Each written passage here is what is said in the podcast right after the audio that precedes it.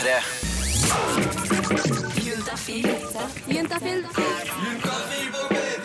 Med programleder Tuva Fellmann. Velkommen inn i to deilige timer med Juntafil, du søte, kåte menneske. Eller det er jo ikke sikkert at du er kåt, det kan godt hende at du ikke er det. Hva vet jeg. Men kåt står i hvert fall på agendaen hos oss i dag, på flere måter egentlig. I løpet av de neste to timene så skal det altså skje så mye her hos oss. Innen klokka syv så skal du få møte Jørgen, som er 18 år, og som egentlig er som alle andre 18-åringer. En glad fyr som liker å dra på sjekkeren, seksuelt aktiv. Men han er også lam fra livet og ned. Og da kommer det jo en del spørsmål. Altså, hvordan har man sex når man er lam? Jeg kjenner at jeg lurer oppriktig på det. Hvordan funker det? Eh, og svarene skal du få litt seinere i vår sending. Men aller først så skal vi ta for oss noe som er litt lettere på alle måter, nemlig det lille tøystykket som vi hver eneste dag trekker på oss, nemlig undertøy. Hvor viktig er det å ha fint undertøy? Eller er det ikke noe viktig i det hele tatt? Kanskje det bare er fjas? Det skal jo av uansett, så har det noe å si. Det skal vi straks få, besøk, eh, få svar på, for vi får besøk her i P3. Du hører så klart på Juntafil. Jeg heter Tuva Fellmann og blir her frem til klokka syv, og håper du slår følge mens du er rød i kinna og sitter, kanskje titter litt skrått ned i blikket der. Det er helt innafor. Håper uansett at du blir med hele veien. Juntafil. På P3. Team Me med låta F is for faker idet klokka nærmer seg ni over fem. Og noen ganger så skulle jeg ønske at jeg var en flue på veggen under guttepraten, eller, eller jentepraten for den saks skyld, bare for å høre hva folk snakker om når det kommer til sex og litt sånn hemmeligheter og sånne ting. Uten å måtte si noe selv, da. Bare kunne sitte og høre på de andre. Og derfor så har jeg nå Så jeg er jo programleder i dette programmet, så da kan jeg jo gjøre hva jeg vil. Så da har jeg invitert noen, så jeg kan bli flue på veggen. Eh, Naja, Espen og Ida, velkommen til Juntafil. Takk for det. Um, vi snakker, altså Undertøy er, står på agendaen nå i den kommende halvtimen. Jeg lurer på om vi kan ta en runde med navn, alder, sivilstatus og kan dere beskrive undertøyet dere har på dere nå? Espen, vi starter med deg. Ja, jeg heter Espen, jeg er 22, eh, singel og har mørkeblått Bjørn Borg-undertøy. Altså Stramme boksere, liksom. stramme boksere. Nettopp. Eh, Naja, hva med deg? Eh, ja, jeg er altså Naja. Jeg er 26 år gammel og jobber som eh, researcher i P3. Mm -hmm. Og nå har jeg på meg eh, svart bh og svart eh, eh, truse. Er- Snakker vi blonder, eller? Nei, eh, det er vel bomull, og det her vet jeg egentlig ikke helt. Eh, Det er sånn eh, den billige Billige plaine modellen, som er fin under T-skjorte. Altså helt sånn Ja, nettopp. Eh, og Ida, hva med deg? Ja, jeg er 20 år gammel og singel. Jeg har på meg hvit bh og hvite truser. Eh, blonder. Blonder, ja. Ja. Du går for blonder. Det gjør jeg. Det liker jeg. Ehm, vi, for, altså, vi skal snakke mer med dere om hvor viktig undertøy er. Eh, men, men aller først, eh, en ting jeg egentlig har lurt på personlig, er hvor mange bh-er har dere jenter? Jeg har vel jeg har to eller, to eller tre. To eller tre stykker? ja? Eh, Og hva med deg, da? Jeg har bare to. Jeg har akkurat uh, operert puppene mine. Du har akkurat operert puppene? Uh, mindre. Det må jeg huske å si, for det glemmer jeg å si. Uh, ikke tatt silikon. Ja, å ja. Så jeg har bare to. To veldig fine. Men så, for, ja, har du, for du hadde liksom kjempe... For nå tenker jeg du ser ut har helt vanlig, Nå- du har store, vanlige pupper. Ja, Liksom. nå har jeg vanlige pupper. Eh, nei, de var kjempestore. Til min fortvilelse etter hvert. Ja. Eh, så da hadde jeg ikke så mange BH heller, for det var ingen som passet. Men nå finner jeg litt flere. Men de er, jeg vil jo kjøpe ordentlig BH, så jeg har kjøpt to ordentlige der først. ja, nettopp. Mm. Espen, jeg regner vel med at du ikke har noe bh-er? Eller Jeg har ikke noe BH-er. du sikker? Det er noen ganger det har ligget igjen sånn etter noe ekstra og sånn, men eh, jeg har ikke noe jeg bruker. Kan jeg spørre, Har du noen gang tatt på deg en bh bare for å liksom prøve det? Jeg har faktisk aldri tatt på meg en bh. Nei, er Det- det, er det sant? Har ikke alle gutter gjort det? Nei, faktisk ikke, men eh, det er på en måte Det hadde jo vært litt gøy å prøve, da. Ja, ja, ja, ja. Gjør det når du kommer hjem. Ja, gjør det. Gjør det, gjør det, gjør det. Um, uh, panelet skal bli her en stund til. Vi skal aller først høre på Trumpets her på P3. Juntafil med Tuva Fellmann på P3. Altså, for en gladlaks. Jason Derulo med låta Trumpets, eh, som du hørte her i Juntafil på NRK P3. Og studio er rett og slett eh, smekkfullt. Jeg har besøk av Naja, Ida og Espen. Eh, Jeg har gitt dere tittelen Dagens undertøyspanel, for det er vel det dere er. Vi snakker om undertøy. Ja, ja. Um, og jeg lurer på en ting. Hvor viktig syns dere undertøy er, egentlig? Altså På det motsatte kjønn, da, når dere skal liksom hooke opp med noen. Det er ganske viktig. Eller det er ikke sånn kjempeviktig for å hooke opp, men det er en ekstrem fordel om det er pent. Når man er i senga. Ja. Jeg tror kanskje det er viktigere for gutter enn for jenter, siden undertøy for jenter kan være litt finere enn gutteundertøy, da. Ja, det er ikke så mye Ja. At det kan være mer pynt på jenter, Ja, liksom. sant. Det er jo ingen blonde Ikke som jeg har vært bort, bort på, i hvert fall. Blonde boksere. Nei, Og så hadde det sett bra ut. Nei, ikke det heller. Det er vel kanskje litt hakket for feminint, Ja. eh, føler jeg. Ja. Eh, men eh, Naja, hva med deg? Hva syns du det er viktig? Når, hvis du liksom, Si du hooker opp med en gutt, og så bare kler han av seg, så er det liksom slitt, hullete bokser. Ja, uh, ja, det er det jeg tenker at det er viktig at det ikke er Altså det kan gå den gale veien da, veldig fort. Det, det er ikke så ofte at jeg tenker 'å, du er en fantastisk flott bokser', på en måte. Altså, litt sånn som at det er ikke noe blondur på en bokser, Ja. på en måte. Ja. Men, eh, men har han et stort hull i rumpa, eller, eller silke, eller snoopy Det er litt sånn der, altså, sånne Når det er reint hos noen, så legger du ikke merke til det. Men når det er skittent, Ja. så legger du merke til det. Det er litt kjipt, det. Ja, sånn sett, ja. Eh, Espen, du vrir deg litt når vi sier silkebokser. Ja, er det, det er, det er bringer du noen ungdomsskoleminner her? Nei, egentlig ikke. For de, alltid- de var så vonde. Så det var sånn man fikk et par, og så prøvde man det, og så var det Det er ikke godt. Du må bli veldig svett også. Ja, det er, det er virkelig verdens minst praktiske stoff å bruke silkebokser. Men er det ikke behagelig å bruke silkebokser? Nei. Er det ikke deilig å ligge Men liksom herregud, hvorfor gå opp med silkebokser hvis det ikke er behagelig da? Ja, det var skikkelig kult, da. det er jo sikkert noen som syns det er behagelig, da. Men Men har dere liksom noen gang eh, truffet noen hvor det liksom virkelig har vært sånn Dette her går ikke. Det, altså, her er noe gærent, liksom. Apropos silkebokser, så har jeg, jeg var eh, Jeg ble med en fyr hjem som var bare stunning. Han var kjempekule klær og ja,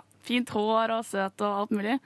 Så ble jeg med henne hjem, og eh, da vi tok av den buksa, så var det silkeboksere.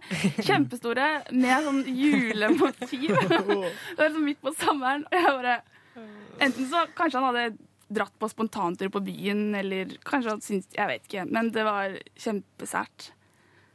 Men, men du hooka fortsatt opp med han, eller var det sånn at du bare Nei, det, han var jo fortsatt veldig Ja. Men, eh, men det var sånn Hæ?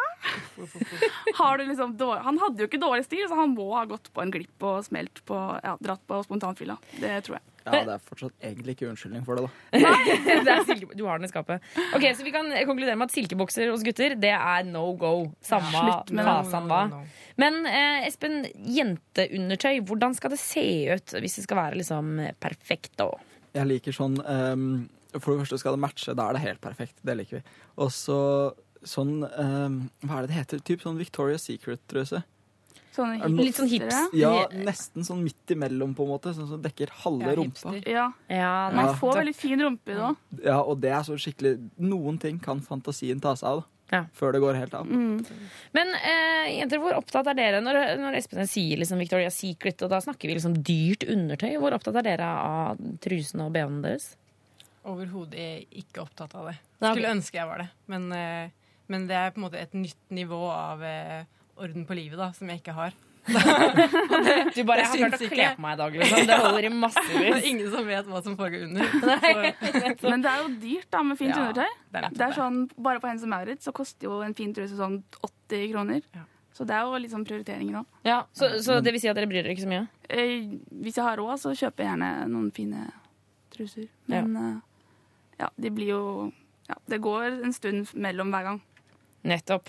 Um, jeg tenkte, folkens, dere skal bli her litt til. Vi skal spille av to låter. Og etter de to låtene så tenkte jeg at jeg skulle utfordre dere litt.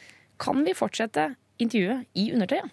Yes. Så eh, du som hører på, hold deg her. Eh, vi skal spille Shy Girls, og etter det så kommer Kave og Onkel P. Og så skal panelet kle av seg. Det er. Juntafil på P3. Kave og Onkel P med Snufs her på P3. Eh, Klokka den har blitt tre på halv seks, og jeg Tuva Fjellmann. Har besøk i studio av Naja, Ida og Espen, dagens undertøypanel. Hvordan går det med dere? Det går bra. Det går fint. Det går fint. Jeg sa jo før eh, Snufs her at jeg skulle mm, utfordre dere litt i å eh, gjøre resten av intervjuet i undertøyet. Jeg føler meg litt sånn grisk, for jeg har ikke tenkt å kle meg. Så jeg lurer på, Har dere lyst til å kle dere her i studio? Ja. Ja, Det går Kom igjen, gjør det! Nå flyr altså, Vi som lager radio, sitter jo ofte med headset på, så nå går headsetene av. Og klærne likeså. Um, går det bra med dere alle sammen? Jeg må sokker. Ja, ja. Buksa er av på Espen, og buksa på Naya. Og på ja, jeg tror vi beholder sokkene, for den er Ja, sokkene kan vi like gjerne. Altså, det er ikke noe Eh, Men dere har veldig fint undertøy alle sammen.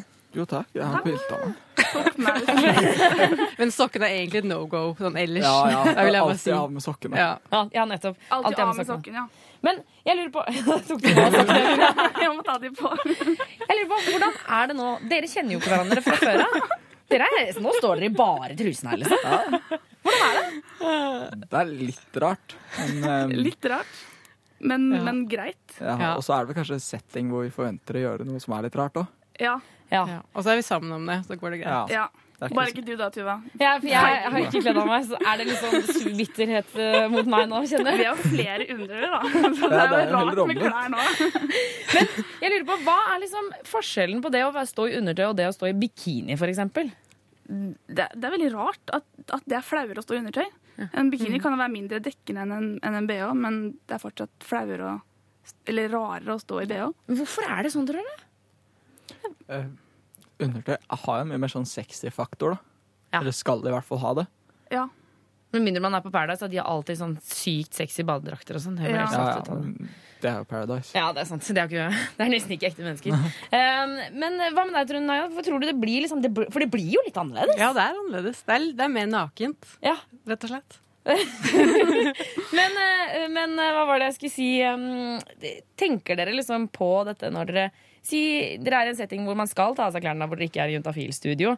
Tenker dere på liksom hvordan dere ser ut når dere er, kler av dere til undertøy da? Eller ja. Ja, det gjør jeg. ja, vi gjør det. stiller dere fra liksom vanlige posi liksom fine posisjoner? Eller hvordan takler dere det, liksom? Eh, prøver å ha litt stramme magemuskler. Tar av meg klærne. Ja. Jeg kan tenke litt på hvordan jeg står, eller hva jeg viser. Om jeg på en måte står bak eller med Jeg står gjerne på en måte liker best forsiden. Ja. Og, så jeg kan, ja, det er liksom den jeg viser frem da, når jeg har tatt av meg Spesielt hvis jeg har tatt på meg stringtruse eller noe sånt. Mm. Så er det liksom forsiden. Ja. Så du går liksom rygger bakover sånn. Det var veldig hyggelig. Kjempefint. Ha bøyer, det. Ja. du bøyer deg ikke ned med rumpa mot liksom. Og hva med deg, Espen? Hva gjør du? Uh, bukse først, T-skjorte etterpå. Det er mye mer casual å ta av seg T-skjorta. Oh, ja. Så da kan du på en måte approache noen andre, eller du kan være aktiv. da. Å ja, sånn ja. Det har jeg aldri tenkt over hva jeg skal ta av først. Det er ganske Nei. smart. Ja, du, pleier- Det var litt imponerende. Jeg pleier alltid å ha buksa først. Ja, buksa Jeg først. først. Ta av buksa først. Ja, buksa først. Oh, ja, og så bare, og så bare river du av ja, T-skjorta i en bevegelse. Ja, ja, ja. Det er lurt. eller det var en annen som har på det. Ja. Men eh, altså, er dere liksom, blir dere nervøse av dette her? Litt, men ikke veldig, egentlig. Det gikk overraskende Nei, ja. greit. Mm, ja, egentlig. Det var ikke noe Hvis du mente å stå her inne. Stå her i ja. Nei, Faen, jeg, jeg, syns vi burde oppfordre folk det, til å liksom tørre å være i undertøy. Særlig i sånn garderobe og sånn, så føler jeg at det nå etter hvert har begynt å bli et problem, og man dekker seg til uansett. Ja. Gå i bikini inn i dusjen på Sats, liksom. Ikke sant? Ja. Vi har jo klart det. Eller dere har klart det. Jeg har ikke klart en dritt. Eh, panelet, dere er altså dere, de flotteste og fineste folka eh, som finnes på denne jord. Tusen takk for at dere kom innom i dag. Bare hyggelig. Takk for meg. Og ikke minst tusen takk for at dere kledde av dere klærne. Det er jo superstas. Herregud. Jeg tror jeg aldri har hatt så mye fnising i panelet før. Å, herregud, så hyggelig det er å være programleder i Juntafil. Du hører på P3. Her kommer Frøken Fryd. Det er blod og honning. Og klokka den er straks to over halv seks. Uh, Jeg ble litt varm, altså. Shit, altså. Det er ganske spørsmål. Og grunnen til at jeg sier det, er selvfølgelig fordi at vår syslege Rune har kommet inn i studio. Velkommen til Utafir, Rune. Takk, takk. Her er jeg. Åh, så bra. Jeg blir så rolig idet vi får en lege inn i studio. Da føler jeg at jeg kan liksom slappe helt av. Jeg er trygghet på to bein. Ja, det er trygghet på to bein. Men jeg må slappe ikke bli for avslappet, for plutselig så sitter jeg her og promper og raper og liksom gjør sånne rare menneskelige ting. Det er kanskje ikke så rart. Hadde du syntes det var rart? Og prompe. Ja, hvis jeg hadde gjort det. Ja, det var litt merkelig. Drit i det, er ikke meg vi skal snakke om. Eh, vi har fått inn eh, SMS-er som tikker inn til 2026, kodeord juntafil. Eh, og husk å ta med kjønn og alder på spørsmålet ditt, hvor det står her. Hei! Jeg har fått noen hvite klumper i underlivet. Eh, Det er ikke i utfloden, men altså på selve tissen. Hadde sex med en fyr for noen måneder siden. Traff han på byen, har ikke truffet han siden. Jeg brukte heller ikke kondom. Unnskyld, unnskyld, ikke hat meg. Hilsen jente21. Hvite brikker i underlivet, ja. Vi hater deg ikke, altså. Vi må starte med Nei, vi det. hater ingen. Det er dumt å ikke bruke kondom. Det er det. Men det er mange andre grunner til, eh, som vi sikkert kommer tilbake til. Ja. Ta de hvite klumpene først. De hvite klumpene først. Jeg syns kanskje det høres ut som um, sånne kondylomer, sånne vorter. Kjønnsvorter. Kjønnsvorter. Kjønnsvorter. Ja, for det er det hun mener med klumper. Altså at det er liksom hudklumper på tissen. Ja, det hørtes litt sånn ut. Ja. Sitte fast som ikke er i utfloden. De kan sitte enten liksom på de ytre kjønnsleppene, eller de kan sitte litt mer gjemt innimellom kjønnsleppene, eller faktisk litt inn i skjeden. Ja, nettopp. Og de trenger ikke å være hvite heller, de kan være hudfarga, altså. Så det er bare altså Ja, det er som sånn eh, Hva heter blomkål, på en måte? Som Ja, de kan, kan se ut som blomkål. Litt sånn flisete hudklumper. Eh, Utrolig usjarmerende, egentlig. ja, må vi, må vi trøste den jenta, da. Trøsten er jo selvfølgelig at, eh, at eh, det er ikke farlig. Nei, det er ikke farlig. Ikke farlig. Eh, og det går som regel i aller fleste tilfellene bort av seg selv, men det tar tid. Det tar ofte ett til to år før de forsvinner, og før kroppen begynner å bygge opp et immunforsvar mot det viruset da, som Ja. gir dette her. For det er et smittsomt virus. Et veldig smittsomt virus, faktisk. Smitter bare ved kontakt. Å, herregud. Ok. Mm. Eh, og gjerne da ved sex, da, når det er snakk om de i underlivet. Men altså, så, si da den jenta som har disse klumpene. Nå er det ikke sikkert at det ser altså det, det trenger jo ikke å se så ille ut. Det, Nei, ikke sant? Det kan være alt fra én liten en til mange. Men øh, hvis hun har lyst, går, går det ikke an å gå til legen og få de fjerna, på en måte? Eller må man bare vente de ut? Mm, det er flere måter å få de bort på. Det er kun kosmetisk. da. Eh, fordi du blir ikke kvitt viruset av å, av å fjerne de. Eh, men det går an å fjerne de, og da er det noe som heter Vartec. Det er sånn eh, mm, kremaktig greie som man smører på vortene. Eh, eller hvis den er veldig stor, så går det altså an å få fjerna de kirurgisk eller med laser. Da. og da er det ofte kanskje en hudlege som gjør det. da. Ok, ok, ok.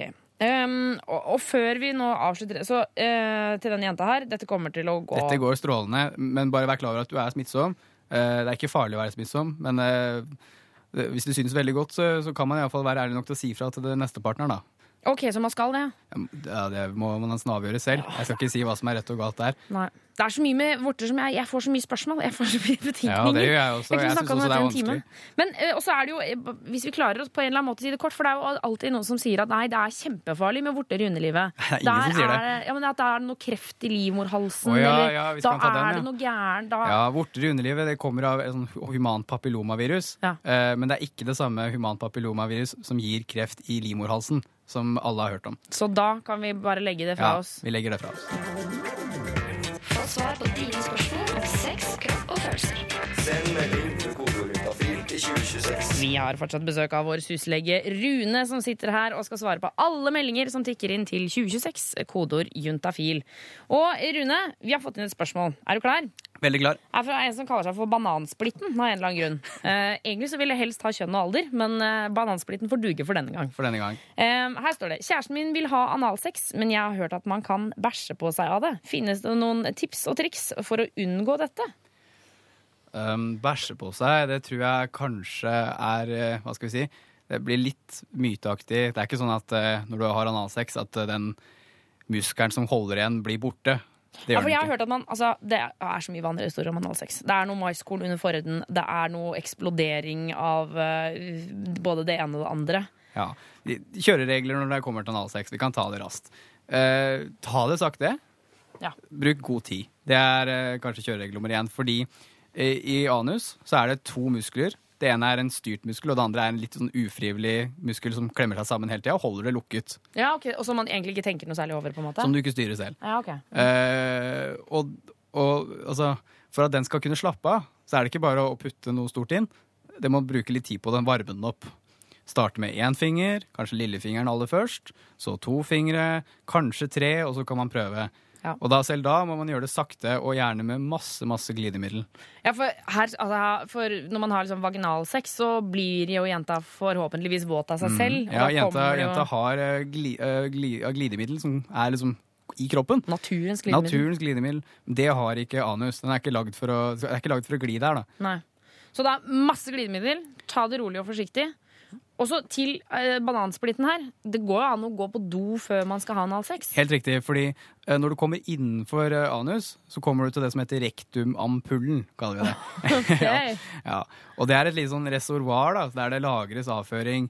Eh, og der, når, du, når det lagres avføring, der, så kjenner du at du må på do. Um, så når du er på do, så tømmer du det reservoaret. Ja. eh, lagringsplassen, da, hvis vi skal bruke et enklere ord. Ja, nettopp. Eh, og, og når du tømmer det, så er det ikke noe avføring der rett etterpå. Altså, så gå på do først. Ja. Så, hvis noen tror at eh, nei, da blir det møkkete, det er motsatt. Gå på do først. Gå på do først. Ok, Ta god tid, bruk masse glidemiddel, gå på do først. Stopp når du vil. Stjerne i boka. Stjerne i boka. Man får stjerne. Det er nesten så jeg gir deg plusspoeng hvis du sier sånn Ja, jeg angrer meg, vi venter til i morgen. Bare for å ha kjent på den Ja. følelsen. Er det vondt, så er det lov å si nei og vente litt. Vi prøver en annen dag. Ja, for, for da lurer jeg på, Skal analsex være vondt? Det er nok ikke, Hvis man gjør det for første gang, så tror jeg nok ikke det er eh, Det er ikke behagelig å putte inn noe stort der. eh, som, hvis man ikke er vant til det. Det er som hvis du går på do og trykker og du har en hard en. Det, gjør vondt, ikke sant? ja, nettopp. Eh, men det er klart, eh, hvis man bruker god nok tid, så blir det godt. Ok, jeg skjønner. Ja. og så er det jo på en måte litt for spesielt interessert. Eller det er liksom for viderekomne, kanskje. Ja, altså Gjør det for all del med en du er trygg på. Eh, ikke gjør det med en som plutselig kanskje støter veldig hardt eh, uten å høre på deg. da. Ja, Og ikke på one night stand. Nei, det Ja, det er bare Typisk min eksempel på mening. ikke gjøre det altså. så lurt. Ja. Ikke hvis du ikke er veldig erfaren. Få svar på dine spørsmål om sex, kropp og følelser. Send melding 2026. Vi sitter fortsatt her i studio, det vil altså si jeg, Tuva og syslege Rune, og svarer på SMS-er som tikker inn til 2026. Kodeord juntafil. Sant det, Rune? Ja, ja. Ja, ja, ja. ja, Ja, ja. Vi har fått en melding fra Jente18 hvor det står hei. Eh, eller hei sann, står det faktisk. Jeg sliter med vonde klumper under armene, hovedsakelig i høyre, armhule. Lurer på hva dette kan komme av. Det ligner litt på kviser, men uten noe synlig puss, og de varierer i antall og størrelse. Jeg vasker og barberer meg med elektrisk lady shave regelmessig. Elektrisk lady shave, det er vel sånn barber... Barbermaskin for kvinner? Ja, det er det. Ja. Jeg tror det. Ja. I motsetning til epilator. Som er sånn som trekker ut hårene, på en måte. Stemmer. stemmer. Da tar du det med rota. Ikke sant? Det- Ok, så hva Altså klumper under armene. Mm, klumper under armene. Jeg, vi kan godt eh, ta tre årsaker til klumper under armene. Oh, ja, okay. Den mest alvorlige først, eh, som ofte kommer litt sånn aktuelt eh, hos eldre kvinner. Og det er eh, gjerne uømme klumper som sitter litt dypt eh, i huden. Ikke i huden, men dypt, liksom. I langt kjøttet, på en måte. Ja, vi kan kalle det kjøttet.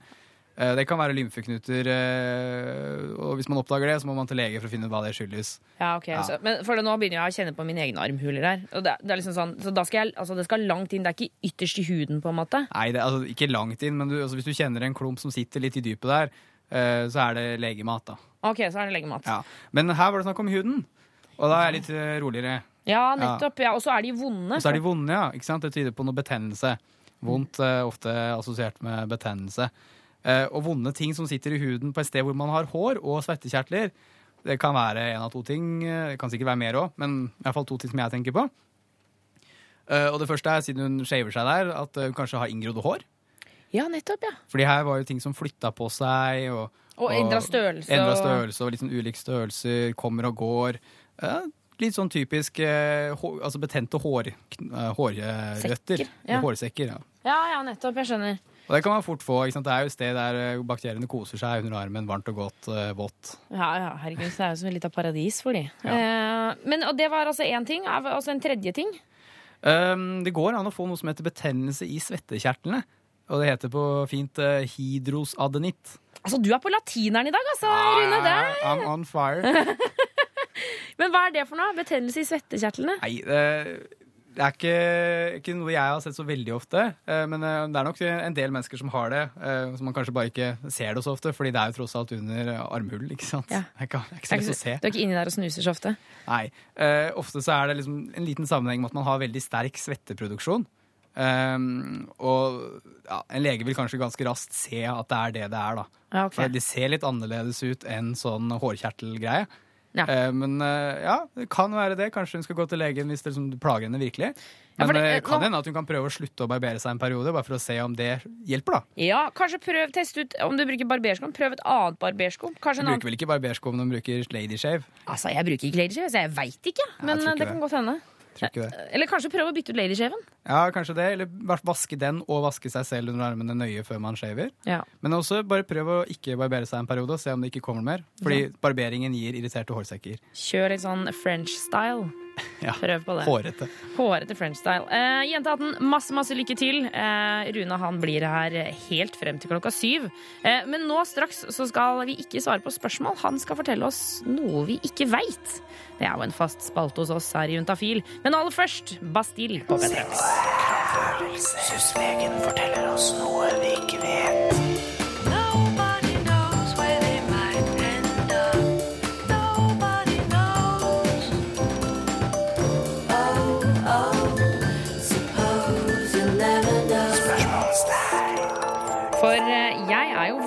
Glad å ta så mye utnytte som jeg bare kan av dere SUS-legene når dere kommer i studio. Eh, trykker på mine egne personlige spørsmål, eh, graver i deres personligheter og alt som er. Folk skulle bare visst hva som skjer når vi spiller musikk. Ja, fy fader. Nei, egentlig så skjer det ikke så himla mye. Altså. Dere går ikke glipp av så mye. Eh, Men eh, nå eh, tenkte jeg at jeg skulle utfordre deg, Rune, til å fortelle meg noe som jeg ikke vet. Mm. Jeg føler at jeg vet ganske mye om sex, kropp Ja, og du er en av de mer kunnskapsrike på det her. Ja, men Ja, eh, jeg dere, dere overrasker meg ofte. Det er mest om kroppen, kanskje. Ja. I dag så er det jomfruhinna, da. Eller, OK. altså, siden jeg er på sånn eh, latin-run, eller Ja. i dette tilfellet gresk. Uh, hymen. Hymen er- heter det. Det er det det heter? Ja. Okay. Det er sånt eh, gresk ord uh, som betyr membran. Nettopp, for det er et lite membran som ligger oppi der. Det er det det ikke er. Oh, nei. Eh, første poenget mitt. Eh, hymen, eller jomfruhinna, er eh, sjeldnest en hinne. Altså. Nesten aldri en hinne. Det er ikke en heldekkende ting som er i skjeden til unge jenter. Det er en myte. Er nesten, altså Jomfruhinna generelt er jo nesten like myteomspunnet som Arthur og, kong Arthur altså, og ridderen. liksom. Oh, ja, okay. Ja. Det er så mye tull om eh, hymen og ja. Ja, for det var vel en diskusjon om man skulle omdøpe det til jomfrukrans en stund? Ja, Jeg er veldig for det, fordi for mange jenter så ser det rett og slett ut som en krans. Ja. Ja, Den ser veldig ulik ut. Eh, Men litt tilbake til hva den kommer av. Altså, det er jo litt rart. Hvorfor har vi en greie der nede som eh, dekker til hullet litt? Ja. Ja, Det er litt morsomt. Um, I fosterlivet, allerede i uke tre altså I fosterlivet så er vi bare en celleklump som etter hvert blir en organisert celleklump, som etter hvert blir en kropp. Ja. Og i den uh, prosessen uh, så er det noe som danner uh, genet, gene, altså, kjønnsorganene våre. Ja, ja, og noe som danner urinveiene våre. Eh, og et eller annet sted på veien i jenteutviklingen så smelter de litt delvis sammen. Ja, De, de, de, de eh, vandrer litt eh, rundt omkring i denne celleklumpen, og så treffer de hverandre. Bare hei, hei, hyggelig å møte deg. Flott. Da Vi skal være sammen. Ja, skal vi henge litt sammen her nede. Ja. Ja, Uh, og akkurat i det trefningspunktet så dannes det en hinne. En slags sånn beskyttelseshinne, eller man vet egentlig ikke hvorfor den er der. Men en, altså en skillevegg da, Ja. mellom urinrøret og, og det som skal bli vagina. Er det jomfruhinna? Det er jomfruhinna. Næsj! Jors! Så den kommer så tidlig? Kommer allerede i tredje måneden i, i svangerskapet, jeg når babyen er på en måte tre måneder inn i mors mage. Eh, og det er faktisk sånn at eh, de aller fleste babyer, eller ja, jeg har ikke tall på det, men de, mange, ja, jeg vil si de fleste, fleste babyer, så er hull i jomfruhinna når de fødes. Det er det sant? Ja, det er helt sant. Ja, må vi slutte med det der pisset med at eh, når du ikke har jomfruhinne, så er du ikke jomfru og tjo Ja. Så når du, altså når, når du kommer opp i, i puberteten, puberteten, eh, så eh, er det jo sånn at eh, den kan jo ha blitt ødelagt av diverse ting. Kan bli ødelagt av fingring, bli tampong, en hoppe opp og ned på en hest. Slå seg på sykkel. Ikke sant? Mm. så hos voksne jenter eller unge jenter så ser den kjempeulik ut. Det er ingen som har lik kjedekrans, tror jeg. Noen som, ser, ja, altså noen som ser litt lik ut, men ingen er helt like. Ja. Eh, så det er ikke noe rart at ikke alle jenter blør når de har samleie første gang, fordi noen har jo ikke kjedekrans. Nettopp. Nettopp. Eh, Syslege Rune, takk skal du ha. Bare. Juntafil på P3. Det å møte en kjæreste, det er en utfordring i seg selv. Og det er kanskje ekstra vanskelig om man sitter i rullestol. Eh, vi skal nå møte Jørgen, som er 18 år og er lam. Takk skal du ha. Hvis noen kaffe eller sånn? Eh, ja takk. Det var kult. Inntil den ene veggen i stua til Jørgen står en TV og et stereoanlegg som sammen fyller rommet med Coldplay. På den andre sida en mørk hjørnesofa. Ingenting annet skiller denne stua fra hvilken slags annen bachelorpad, bortsett fra at det ikke er en eneste stol i rommet. Fordi stolen den har Jørgen alltid med seg, og når jeg kommer på besøk, sitter han foran datamaskinen og jobber. Eh, Nå sitter jeg og skriver eh, blogg. Hva skriver du nå, da? Nå sitter jeg og skriver om eh, Tenkte jeg begynne på et tema om jobbsøking i rullestol. Grunnen til at jeg skriver blogg, da, det er jo fått litt artig å informere folk om eh, liksom, At de forstår litt av hvordan det er å sitte i rullestol, akkurat samme som du kanskje ønsker med programmet her. Ja, fordi vi skal jo egentlig ikke snakke om jobbsøking, vi skal snakke om noe litt annet. Ja, vi skal snakke om litt sex og sånn, og det, Og det kommer vi til, men Jørgen har ikke alltid sittet i rullestol. Han ble lam etter ei motorsykkelulykke når han var 16 år. Mm, Ja, jeg skulle uh, kjøre på besøk til noen venninner ganske sent på kvelden. Eh, kom i litt, eller altfor stor fart inn i en sving, og jeg tenkte på vei inn i svingen at å faen, dette går til helvete. Skeia ut, klarte ikke svingen, traff autovernet. Eh, ble kasta av og landa midt på veien da igjen og knakk ryggen. Så tenkte jeg etterpå at oi, kanskje jeg bør ringe ambulansen. For du var bevisst? Jeg var bevisst, ja. Mm. Hjelmen vet jeg ikke hvor ble av. Den forsvant. Og tanna mi ble kutta av. Ja, det ser du mangler litt til fortann òg. Mhm. Ja, så, ja, så kjente jeg jo at jeg ikke klarte å bevege føttene. da. Og etter seks måneder på sykehus fikk han komme hjem igjen, og siden har han måttet venne seg til et nytt liv som lam. Eh, Det er jo det åpenbare, da, at du ikke kan gå og ikke kanskje så enkelt kommer deg opp ei trapp og sånne ting. da. Eh, Men det er jo også mye det som ikke er så åpenbart, sånn at alt sammen blir litt tyngre i hverdagen. Det blir litt tyngre å komme seg opp av senga og Ja, alt sammen blir litt tyngre, da, på en måte. Og det inkluderer dating. I tillegg til å møte jenter face to face, så kan det være en grei eh, og litt eh, snill start å møte de på nett først. Jeg syns det, det med Tinder og Hot or Not er veldig artig, for at jeg får liksom testa om eh, For det er jo helt overfladisk, så jeg får testa om jenter liker meg, selv om, selv om de ser rullestolen, ikke sant? Det å sitte i rullestol er et ganske tydelig førsteinntrykk, men selv om han ønsker at damene skal se forbi stolen hans, er Jørgen sjøl litt kresen på Tinder. Det er sånn, Hvis det er sånn duckface-selfie i dusjen, eller om hun er dritfin, så er det sånn Nei, neste. Med en gang. Nesten. Men det er veldig overfladisk, da. Man kan ikke dømme på Tinder. Det går ikke an. Men du gjør det litt sjøl? Ja, det er sånn tidsfordriv, som sagt. Det var, det var jo morsomt. Og når han kommer i prat med jentene, er det ofte de samme spørsmålene som går igjen. For litt annerledes er det å se for seg å ha sex med noen som er lam ifra livet og ned. Hvordan funker det? Hvordan, eh, ikke sant? De har sikkert mye spørsmål. Eh, Samme som at jeg har mye spørsmål hvordan, hvordan de tenker om meg, ikke sant? Hva spørsmål tror du de stiller seg sjøl når de kikker på deg som en potensiell eh, sengepartner? Nei, funker understellet, regner jeg med. Det spør seg sjøl om. Jeg jeg har holdt noen foredrag. Jeg jeg tror var det første foredraget jeg holdt, eller det andre, så var det ei jente som spurte på Hun var sikkert 16-17 år. Hun spurte eh, om jeg ble av sex, da. Det var, det var en av de første gangene jeg hadde tenkt over det sjøl, sånn skikkelig. Og hvordan det går for seg når Jørgen, som altså er lam fra livet og ned, skal ha sex, det får du straks høre. Dette er P3. For nå er det sånn at hvert år havner opp mot eh, 100 mennesker i rullestol etter å ha skadet ryggen. Hvordan er det å ha sex når man har blitt lam? Vi skal møte Jørgen som er 18 år, eh, seksuelt aktiv og lam fra livet og ned. Jeg heter da Jørgen Hagen Menniksen. Eh, Jeg er 18 år. Går for øyeblikket skole.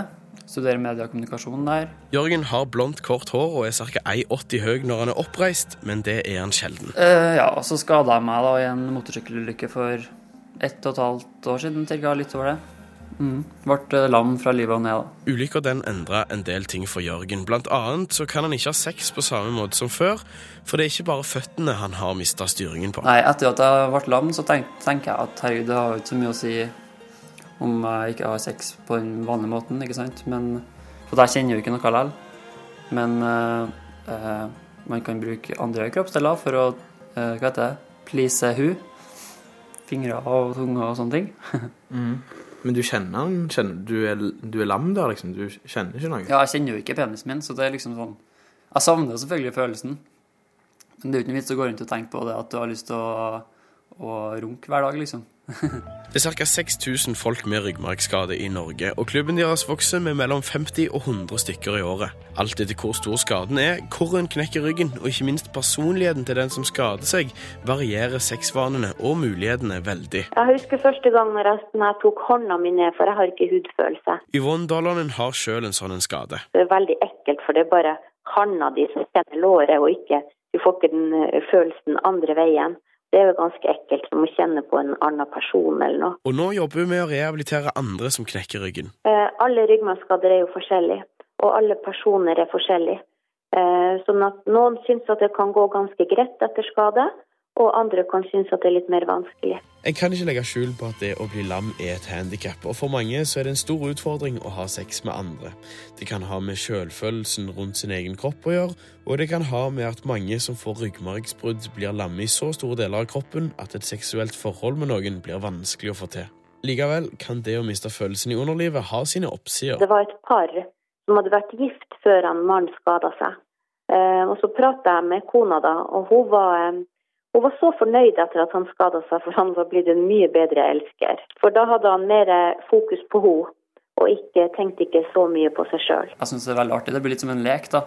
Så da må man jo bare ta i bruk eh, fingre og og tunge og sånn på best mulig måte.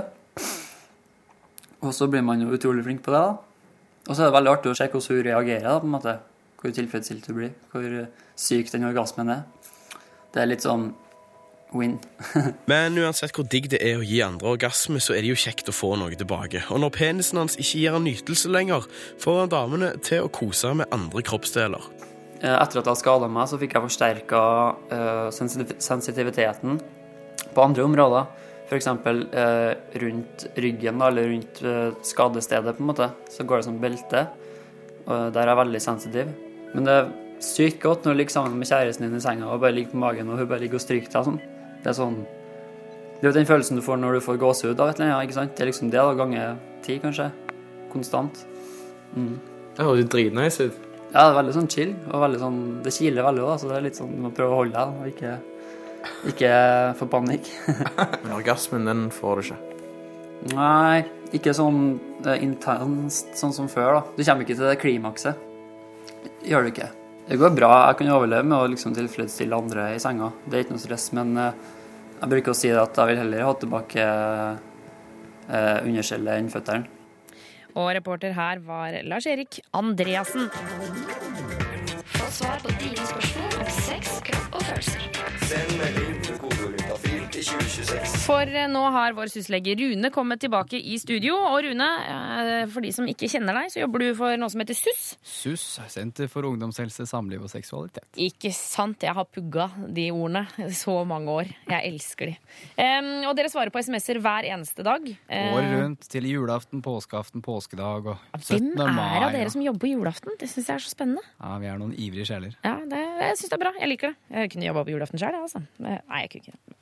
Drit i det. Vi har fått inn en SMS. Hei, jente på 18 år her. Jeg har en fin og snill kjæreste eh, på 25 år som jeg er veldig glad i. Men han har sosial angst, eh, og når vi er ute med venner, så får han anfall. Blir klam i hendene, puster fort, og han vil bare hjem. Eh, Og som kjæreste så må jo jeg bli med han hjem. Det er veldig kjedelig, og jeg lurer på om det er noe som jeg, kan, som, jeg som kjæreste kan gjøre. Hmm, Dette var vanskelig.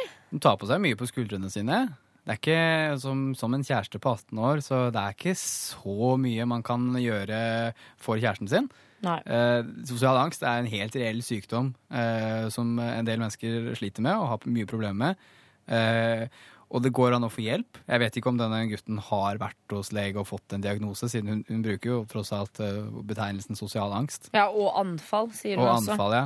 Eh, For, ja. Hun beskriver rett og slett klassisk eh, angstanfall, hvor man blir klam i hendene, puster fort og, og ønsker å komme seg bort fra situasjonen. Mm.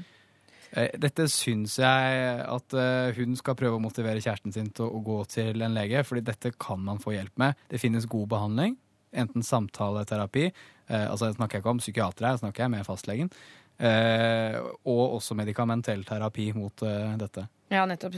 Så det, det er liksom viktig det, du understreker at dette her er ikke hennes ansvar, på en måte. Nei, jeg syns ikke det. En, en ung jente skal ikke kunne måtte ta på seg det ansvaret for å gjøre kjæresten sin frisk. Nei. Men det er veldig edelt og veldig snilt å, å bry seg om kjæresten sin på den måten, og, og ville det kjæresten sin godt, og det er helt normalt også. Ja. Eh, Men dette klarer hun ikke alene, altså. Nei, ikke sant. Men er det noen ting som går an å gjøre som er liksom små ting, som ikke gjør at hun nødvendigvis må ta så innmari mye ansvar, men liksom går det an å gjøre det sånn step by step, på en måte? Mm, kanskje de kan eh, lære seg å legge noen slagplaner da, for hvordan de skal håndtere sånne situasjoner, eller hvordan de skal kanskje ja, Det må jo gjøre i samråd med lege, men det går an å kanskje starte i det små, da, hvis han blir, eh, føler at det er ubehag med mange mennesker. Kanskje starte med få mennesker. Ja. Kanskje starte hjemme istedenfor å gjøre det ute. Eh, ikke sant? Og så stadig bygge seg sakte oppover når han føler seg komfortabel med det. Ikke sant. Men først og fremst, dette er ikke ditt ansvar. Eh, hjelp kjæresten din heller med å oppsøke lege. Spørsmål. Vi skal svare på SMS-er som tikker inn til 2026, eh, kodeord juntafil. Eh, Syslege Rune, du svarer. Jeg stiller spørsmålene. Jeg er klar. Vi har fått inn en melding hvor det står Jeg har varme på i bilsettet. Kan det, være dumt med for, kan det være dumt for sædkvaliteten? Eh, Jeg lurer på hvor mye klær og varme har å si. Hmm, først og fremst, eh, la oss løfte det litt opp. Eh, Sædkvaliteten til menn har visstnok gått ned da, de siste Næsj! Jo, sånn generelt. Man sier det. Evolusjonen, liksom. Aner ikke hvorfor. Det er nok eh, veldig mange faktorer som er med på det. Ja. Og han har rett i at varme er en av de. Selv om selvfølgelig alder og, og skader og klamydia og er det som er med på dette her. Og, og arvelighet også. Men eh, det er vist at varme kan eh, redusere særkvaliteten. Og det kan man også bare se på hvordan testiklene er konstruert. Fordi eh, testiklene ligger jo utenfor kroppen, og det er en grunn til det. Eh, og det er rett og slett fordi testiklene trives på lavere temperaturer enn resten av kroppen. Jeg husker ikke akkurat, men det er i hvert fall en grad lavere. Altså, det er det jo sånn, så når det er kjempevarmt, så henger jo testiklene sånn derre Klokk. Ligger og kjøler seg ned, rett og slett. Ja, og når det er kaldt, så ligger de oppi sånne, sånne små barn som ligger Mm. inntil kroppen. Og testikkelhuden har heller ikke underhudsfett. Eh, Og det er rett og slett fordi de skal kjøle seg ned effektivt. Okay, Det er så Ja. mye rare greier. Men altså, nå, nå tror jeg liksom hele det norske land skrudde av eh, varmen i setet på bilen. Er det liksom, Kan man ikke ha varme Man kan jo det. Jo, det, jeg, jeg, jeg har iallfall varmen på en bil om eh, vinteren. Ja. Men det er klart, hvis man sitter hele dagen hver dag og har på varmen på full guffe og, og syns rumpa har det strålende, så kan det jo kanskje ha en liten effekt. Vet, nå vet vi jo ikke hvorfor han spør. Kanskje han har et problem å, å få til å, å gjøre kona eller kjæresten eller gravid, eller at det er vanskeligheter der. Mm. Uh, jeg vet ikke, men det kan ha en effekt. så Det, det er sant. Men vi skal ikke si at det er effekten som gjør at det er et problem for han, da, hvis det er et problem. Nei, og, og jeg mener sånn Og vi snakker liksom det, Vi snakker mye varme for at det skal gjøre noe endring, liksom. Ja, det er mye varme over lang tid. Ja. Altså, Sæd blir jo ikke laget på en dag. Nei, nei, nei, lang, vet vi hvor lang tid det tar å lage sæd, egentlig? Uh, det her har jeg husket en gang. Det er en stund. Jeg, Det- det er jeg sier en stund. En ting som jeg alltid lurer på, er minker sædkvaliteten hvis man runker mange ganger i løpet av dagen? Si du kommer liksom åtte ganger, da. Da må det jo være litt mer slitne slamper på slutten der. ja, Det kommer litt an på hvordan du tenker på sædkvalitet. Om du teller liksom antall sperm per utløsning, eller om du teller eh, om du teller eh, sæden, om den er fin i seg selv. Ja. Eh, Du får nok mindre sædceller per utløsning mot slutten, og mindre mengde på sæden fordi prostatakjertelen som gir væske, blir tømt. Ja. Eller iallfall utslitt. Så eh, Men det er ikke sånn at de som kommer på liksom runk nummer åtte, de er liksom helt de døsende. De er Jeg sånn tror ikke det drita. spruter ut av, nei. Nei, Men eh, Nettopp. Um, vi skal eh, fortsette å svare på SMS-er. Nummeret er som alltid 2026. Kodeordet er juntafil. Stille spørsmål, sex, kropp og følelser. Og det som jeg syns er så deilig, så behagelig, det er at jeg og Rune vi får aldri vite hvem du er. Uh, Så da kan du spørre om akkurat det du lurer på. Og vi får aldri vite noen ting. Det står bare det du skriver. Uh, Og tidspunkt, da, selvfølgelig. De ga seg jo ikke, fortsatte inn eh, i legetimen her. Eh, Rune, vi skal svare på noen eh, SMS-er som tikker inn til 2026, kodeord juntafil. mm. Her har det kommet et spørsmål. Jente 19. Jeg har et problem som ødelegger selvtilliten min når jeg kler av meg. Den ene puppen er to størrelser større enn den andre. Hva kan jeg gjøre? det å ha forskjellige størrelser på puppene er kjempevanlig. Eh, Ja, jeg har en, en stor, men er det, er to størrelser større? Det er vel ikke så vanlig? Nei. Uh, så når det blir veldig stor størrelsesforskjell, så er det uvanlig igjen. Uh, det finnes jo grader av alt. Men eh, å ha så store pupper Vi kan kanskje kalle det at så store puppeforskjell er kanskje like uvanlig som det å ha knæsj like pupper. For det er også oh. kjempesjelden. Altså, oh, ja, helt symmetriske pupper, liksom? Det er veldig få som har det. Ja, ok. Eh, Men, men ok, så, så litt forskjell på puppene, det er helt vanlig. Veldig stor forskjell er kanskje ikke så vanlig. Nei. Ikke Hva skal man gjøre da, liksom, hvis man ikke har lyst på altså, Ja, for det står i parentes her uten plastisk kirurgi. Ja, nettopp. Eh, ja, eh, man må nesten gå på en sånn ordentlig undertøysforretning. En som har litt peiling, kanskje med noen voksne damer som vet hva de driver med. Ikke Cubus og HM. Nei. For de har ofte nemlig innlegg som er formet spesielt da, for å, å kompensere for størrelsesforskjeller. Ja, og så finnes det jo, liksom, jeg tenker Når damer har hatt kreft i den puppen, for eksempel, og operert den bort, så finnes det jo ting som gjør at den ser ut som den andre. Mm. Ja, ja, det finnes spesialtilpassede alt mulig. Ikke sant? Man må bare vite hvor man skal gå. Ja. Eh, Jeg vet ikke, jeg kjenner ikke butikkene kjempegodt, men kanskje sånne spesialiserte butikker som Change, eh, eller en eller annen sånn kjede som jeg driver bare med undertøy. Jeg tenker eh, liksom Clouet her er kanskje de litt sånn uh, dyre eh, undertøysforretningene. Ja. Selv om vi kanskje ikke skal liksom, applaudere dyrt undertøy, men, men der hvor det er litt ordentlig, da. Litt ordentlig og kanskje litt målt ekstra. Ja, nettopp. nettopp. Ikke sant? Så og rett og slett få seg et innlegg. For det finnes jo silikoninnlegg og bomullsinnlegg og gudene Mm, veit på utsiden, ja. Og så vet jeg ikke om hun er klar over det, men uh, hun skriver jo ikke pl eh, plastisk kirurgi. Eh, en ting er jo sånne silikonproteser for å forstørre det ene brystet, men det er også mulig å, å forbinske det andre. Ja, nettopp å ta en reduksjon av den puppen, på en Ja. måte. Ikke det at jeg anbefaler det, men altså, det er iallfall greit å være klar over det. Men er det ingen sjanse for at dette går over for denne jenta? Nei, nei, altså nå er hun 19 år, og nå er hun ferdig utvokst. Eh, så Hun her- er det, Ja, så her må vi anta at det, dette er sånn som det kommer til å bli. Vil det si at jeg kommer aldri til å få større pupper, jeg som er 26 år? Jeg har alltid tenkt at det kommer når jeg blir 30. Ja, men De forandrer seg jo når man føder barn og begynner å amme. Eh, Da skjer det en eh, endring i brystkjertlene. Eh, Men det er kanskje ikke det hun tenker på nå. Nei. Det var mer enn hva jeg tenkte på. Eh, Vi sier masse masse lykke til til Jente19. Um, eh, sjekk ut de litt dyre affærene, holdt jeg på å si. Gå og se, i hvert fall. Spør om råd. Ja, Spør om råd. eh, Og ja, kanskje snakk med fastlege også, for det kan jo Dette med selvtilliten sånn, hun sier jo mye av at det ødelegger mye. Ja. Eh, Eller venner. Og Ja, det er lov å sant? snakke med venner òg. Ja, jeg tror jo at han eh, fyren som du kler av deg for, eller dama, liker deg uansett. Hør flere podkaster på nrk.no podkast. P3.